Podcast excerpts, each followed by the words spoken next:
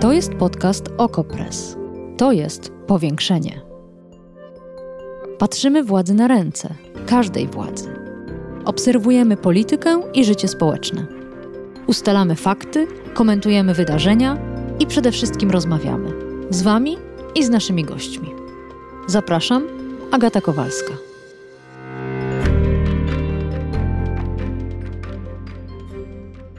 Rząd ogłosił nowe obostrzenia. 75% pasażerów w autobusach, 30% widzów w kinach i gości w restauracjach, dodatkowo zakaz konsumpcji, ale ten tylko w kinach. I to wszystko dopiero od połowy grudnia. Szkoły zdalnie, od 20 grudnia do, ależ tak, do 9 stycznia. A obowiązkowe szczepienia dla niektórych grup zawodowych od 1 marca. Aha, zamknięto też dyskoteki, ale nie w Sylwestra. Pytanie, które sobie wszyscy od wczoraj zadają, to czy rząd gra w jakiś rodzaj covidowego bingo, a może losuje decyzje z generatora obostrzeń, z maszyny losującej. Ale może, zaryzykuję to pytanie, może część zmian ma sens. Sprawdzimy dzisiaj w powiększeniu.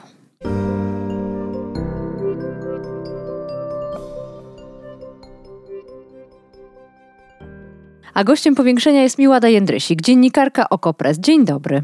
Dzień dobry. Zanim o obostrzeniach, to porozmawiajmy o statystykach zarażeń i zgonów. Jeden ze słuchaczy, pan Lew, napisał: Pogodziliśmy się już z tym, jak matki w XIX wieku, że co drugie z dzieci umiera. Czy 500 osób dziennie w 38-milionowym kraju to jest na tle Europy wyjątkowo dużo?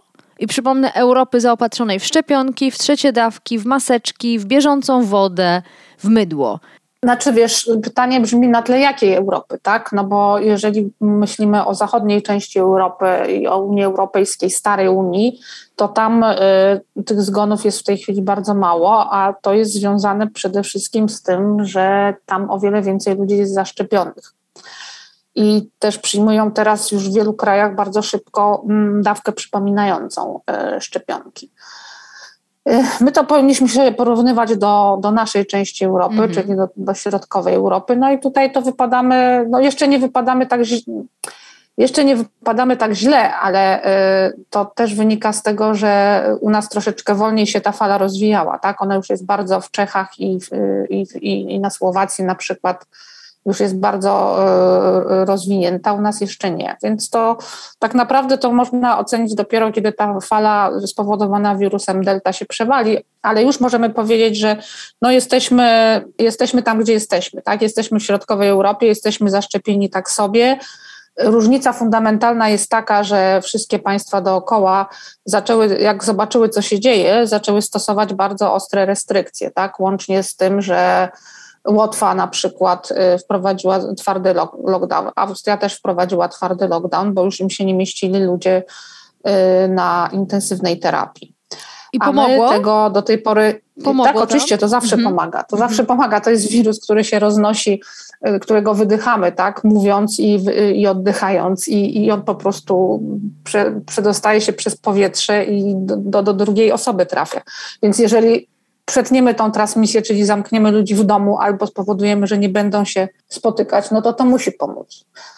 W takiej sytuacji y, drastycznej, ale powiedzmy idealnej y, z punktu widzenia przecięcia transmisji, jakby wszystkich naprawdę zamknąć na y, tydzień, dwa tygodnie może, no to zależy od, od wariantu, zależy od mm, yy, tak ta bezpieczeństwa powiedzmy na dwa tygodnie, no to wtedy ten wirus by rzeczywiście y, miał dużą szansę wyginąć. Nie, ale to absolutnie nierealny scenariusz, no, zwłaszcza tak kiedy jest. spojrzeć na to, co robi polski rząd. Ja zapytałam słuchaczki, słuchaczy, gdzie tu sens, gdzie logika w tych nowo ogłoszonych obostrzeniach i pierwsza odezwała się pani Albina od razu sarkastycznie, e, że tak, jest tu głęboki sens, zwłaszcza szczepienie lekarzy, grupy z ponad 90% wyszczepieniem oraz żołnierzy, którzy z kolei według pani Albiny wyszczepili się podobnie jak lekarze wiosną. E, I pani Albina podsumowuje, że to wszystko po to, żeby 2 marca odtrąbić sukces. Jak ty to oceniasz?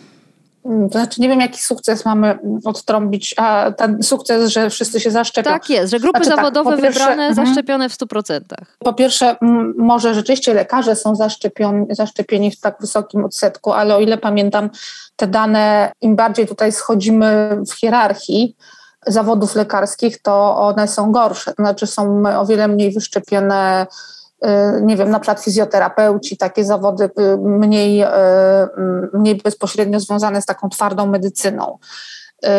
I jeżeli chodzi o jakiś personel pomocniczy, tak, to tam personel DPS-ów na przykład. Ale oni to wszyscy to mieliby jest o wiele mniejsze. Ale oni wszyscy mieliby być objęci tym nowym nakazowym szczepieniem od, od 1 marca? No, to inaczej to nie ma sensu, tak? No, znaczy, to... na pewno była mowa o personelu O tym rozmawiamy. Tak. Była o tym no. mowa, tak? E, bo, bo właśnie między innymi o to też słuchaczki pytają, czy wszyscy pracujący w szpitalach na przykład będą szczepieni, czy wyłącznie e, personel biały, a może tylko lekarze? E, czy to jest zostało doprecyzowane? To jeszcze nie zostało mhm. doprecyzowane. Generalnie mówi się o, nim, o szczepieniach medyków, tak? czyli, czyli no cały personel, który ma kontakt z chorym. Mhm. Powinien być. Znaczy, oczywiście powinny być zaszczepione także salowe, tak? które może nie mają żadnego wykształcenia kierunkowego medycznego, ale spotykają się z tymi salowe i salowi spotykają się na co dzień z osobami chorymi, czy też z przedmiotami, które do nich y, należą. Jeszcze y, pani Maria z kolei nawiązuje do nauczycieli, e, że to mhm. Y, obowiązkowe zaszczepienia tej grupy zawodowej mają sens ale strasznie późno.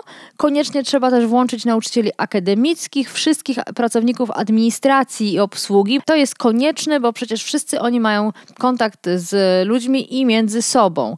Czy wiadomo, jak to będzie z nauczycielami i na ile w ogóle Twoim zdaniem to jest egzekwowalny nakaz? Znaczy, bo to są dwa pytania. Czy wiadomo, co będzie z nauczycielami, jeszcze nie wiadomo, bo dzisiaj przedstawiciele e, rządu rano w programach informacyjnych, już nie pamiętam, czy to był chyba Piotr Miller, czyli rzecznik rządu, mówili o tym, że to jeszcze nie jest zdecydowane. Czy raczej na pewno personel medyczny. No dlaczego personel medyczny? Bo on ma potencjalnie największą możliwość najczęstszego kontaktu z osobami zakażonymi SARS-CoV-2 po prostu. To jest statystyka czysta. Przemawia o tym, y, za tym, żeby oni byli jak najlepiej zaszczepieni. No, Ale nauczyciele wśród nieszczepionych dzieci? No właśnie, nauczycielami nie jest tak do końca, ponieważ są jeszcze, y, powiem tak, zdrowie nauczycieli jest ważne dla ciągłości nauki, tak, no bo na przykład, nie wiem, w szkole mojej córki y, od września no, jakby rotacyjnie jakby się wymieniali, tak? Ciągle jak któryś, y, y, któraś z nauczycieli czy nauczycielek zachorowuje na COVID, więc z tego punktu widzenia to ma sens. Natomiast y, jeżeli chodzi o zmniejszenie transmisji, no to oczywiście mm, na jednego nauczyciela przypada kilkanaścioro albo dwudziestoro, kilkadziesięcioro dzieci i one mogą swobodnie tego wirusa przenosić. Zresztą w tych nowych falach kolejnych, właśnie w fali delta i wszystko wskazuje na to, że również Podobnie może być z nowym wariantem omikronem. Dzieci coraz więcej chorują. Widzimy to w Wielkiej Brytanii, gdzie w pewnym momencie te najmłodsze grupy wiekowe były najbardziej przechorowywały, bo mhm. starsi już byli wszyscy zaszczepieni, oni nie są. Ach, pamiętasz może te czasy, kiedy mówiło się, że dzieci w ogóle nie chorują albo chorują lekko?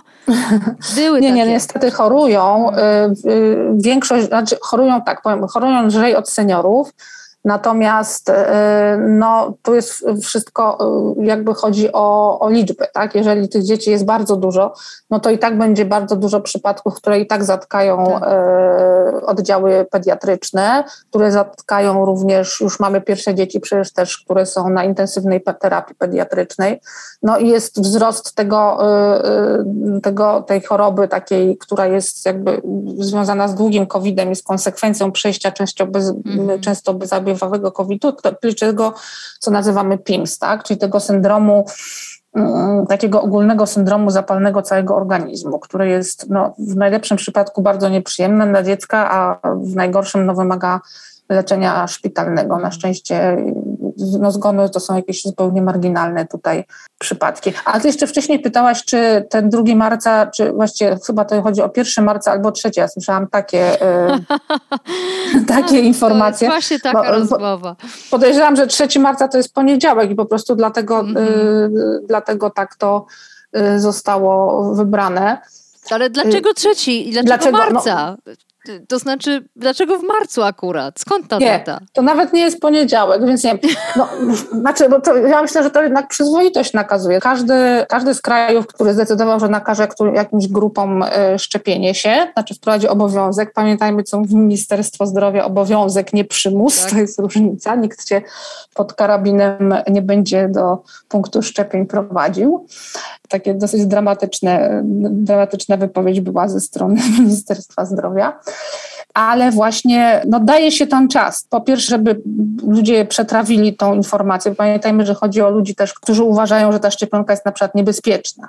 Też czas trochę, żeby ich przekonać. Ale czy czas, ja żeby się zdążyli pozapisywać. Twoim zdaniem to ma sens, ten długi okres i też sam pomysł, żeby te akurat grupy zawodowe przymuszać do szczepień? czy raczej zobowiązać do szczepień. Używajmy prawidłowej nomenklatury. Czy w tym jest jakiś, jakiś dobry pomysł? Czy w tym jest dobry pomysł? No, jak już mówiłam, jest, jest to bardzo dobry pomysł, jeśli chodzi o personel, który ma, y, ma z osobami chorymi y, styczność. Jeśli chodzi o nauczycieli, no to znowu też już powiedzieliśmy właściwie, że to, to, to tylko jeśli chodzi o ciągłość nauki. No, pewnie by się przydało y, zaszczepić, zaszczepić wojsko, bo bo rozumiem, że teraz jest ono potrzebne na granicy, przynajmniej rząd tak twierdzi, że jest strasznie potrzebne na granicy z, wraz z policją, więc jak oni się tam im pochorują.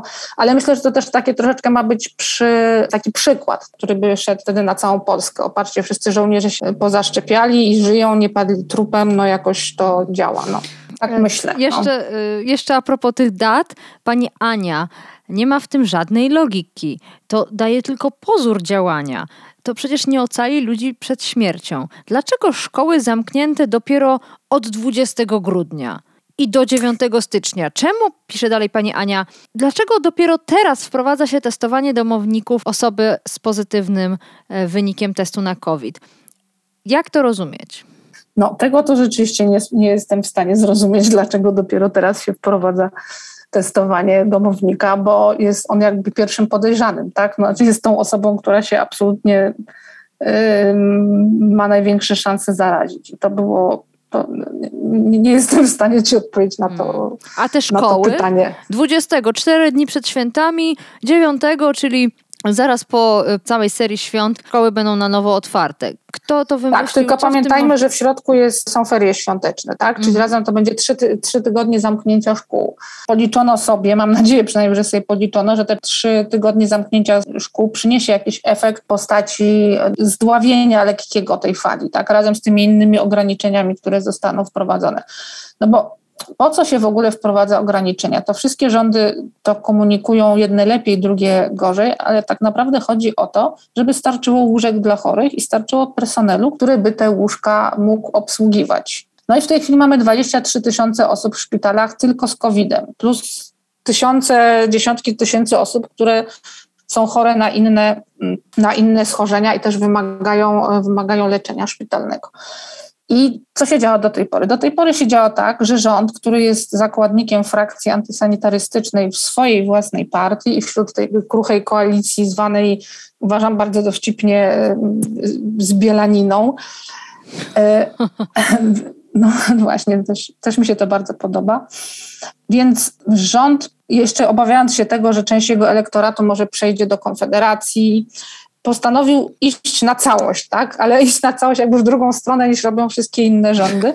To znaczy nie wprowadzać ograniczeń, nie denerwować tych antyszczepionkowców i antypandemistów, antysanitarystów, otworzyć znowu szpitale tymczasowe, ile się da, wyciągnąć tyle personelu, ile się da. Ja już, ja podziwiam bardzo naprawdę personel służby zdrowia, bo on już długi rok pracuje na tak strasznie wysokich obrotach, że e, no naprawdę czapki z głów i, i, i też się zastanawiam, skąd oni biorą jeszcze siłę, żeby, żeby to robić, ale myślę, że też muszą przyklinać bardzo e, i Ministerstwo Zdrowia, i premiera, i rząd, i, i partie rządzące, bo jak popatrzymy na inne kraje, które właśnie się natychmiast zamknęły, jak ta delta bardzo, bardzo zakaźna się pojawiła, to tam w ogóle nie ma szpitali tymczasowych wtedy, tak? Tam w momencie, jak już widać, że jest zagrożone są miejsca na, mm, na intensywnej terapii, no to się właśnie wprowadza do, do kolejne obostrzenia, żeby znowu mm, nie przeciążać systemu służby zdrowia. Hmm. A u nas zostało to obliczone, jak pamiętam, minister Niedzielski mówi, że do tam do 40 tysięcy zakażeń dziennie, no to jeszcze się wszystko pomieści. Tylko, że tak, po pierwsze ten, e, ta fala się zaczęła tak już ładnie troszeczkę mm, najpierw zwalniać, potem w województwach, gdzie się zaczęła, czyli podlaskim i lubelskim, zaczęła bardzo ładnie spadać, ale w skali całego kraju ciągle rośnie. Znaczy ona się wypłaszczyła, jest teraz idzie tak poziomo i, i też z modeli matematycznych wynika, że jeszcze troszeczkę może, jeszcze troszkę może w tą stronę tak sobie, tak sobie płasko pójść, znaczy, że będziemy mieć codziennie tyle zgonów Taki i tyle zakażeń, mamy teraz. Mhm. Taki tak plato, to się nazywa mhm. plato w epidemiologii. E, I już się zaczęło robić niebezpiecznie, tak? Mm, a w momencie, kiedy się mm, dowiedzieliśmy, że jest nowy wariant Omikron, którym no jeszcze mało wiemy, ale już wiemy dużym prawdopodobieństwem, że jest o wiele bardziej jeszcze zaraźliwy od delty, to też jest w tej logice ewolucji wirusa mhm. jak najbardziej się mieści. Też są poszlaki już, które wskazują na to, że może omijać e, mechanizmy ochronne organizmu, czyli te, które mamy po zakażeniu, ale także po szczepionce. No i w tym momencie to już minister Niedzielski no, mówił to otwartym tekstem, jest tak, że mm, no, zrobiło się niebezpiecznie dla tej strategii rządu. To może będzie 40 tysięcy yy, zakażeń dziennie, a może będzie 50 i to może będzie o wiele dłużej niż y, nie tak, że sobie tam urośnie i spadnie, tylko teraz to plato może trwać, trwać, trwać, bo pamiętajmy, że jeszcze jest tak, że ludzie, którzy są zaszczepieni, a nie zdążyli wziąć trzeciej dawki, tracą odporność częściowo, więc oni będą dochodzić do tej puli, puli zainteresowania wirusa, tak? Znaczy osób, które wirus może zaatakować po raz kolejny, więc może być tak, takie plato, a potem nagle wyskoczy do góry, bo się pojawił omikron i możemy mieć 50 tysięcy łóżek potrzebnych, 60 tysięcy łóżek potrzebnych. No mówię w tej chwili z głowy, ale rozumiem, że taka logika się za tym kryje, że no po prostu już tego się nie da opanować, więc trzeba było coś zrobić. Te ograniczenia, które wprowadzono na razie są kosmetyczne, takie no właśnie, że tam trzy tygodnie w szkole, szkoły zamknięte, to może coś pomóc. 75 w, w komunikacji publicznej może również coś pomóc. No póki nie zamkną galerii handlowych, to, które tutaj są bardzo ważne w tym ogniwie transmisji, to... No przed świętami galerie handlowe? No właśnie, nie zamkną. To lepiej no, redukować tak, tak, liczbę tak. pasażerów w autobusach, o których to autobusach akurat wiemy, że się wietrzą najlepiej, bo stają co chwilę na no przystanku i tam no tak. centrów zakażeń nie ma. Ale za to na szczęście można pójść na przedświąteczne zakupy. Szkoda tylko, że niektórzy z nas ewidentnie bardziej niż śmierci boją się szczepionki.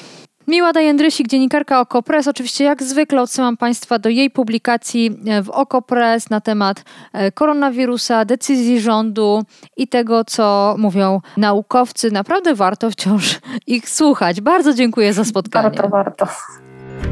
Powiększenie. Podcast Okopres. Prowadzenie Agata Kowalska. Podcast znajdziesz na stronie Okopres i w Twojej ulubionej aplikacji do podcastów. Redakcja OKO.press działa od 2016 roku. Jesteśmy obywatelskim narzędziem kontroli władzy, obecnej i każdej następnej. OKO.press utrzymuje się z Waszych darowizn. Wesprzyj nas, byśmy mogli działać dalej.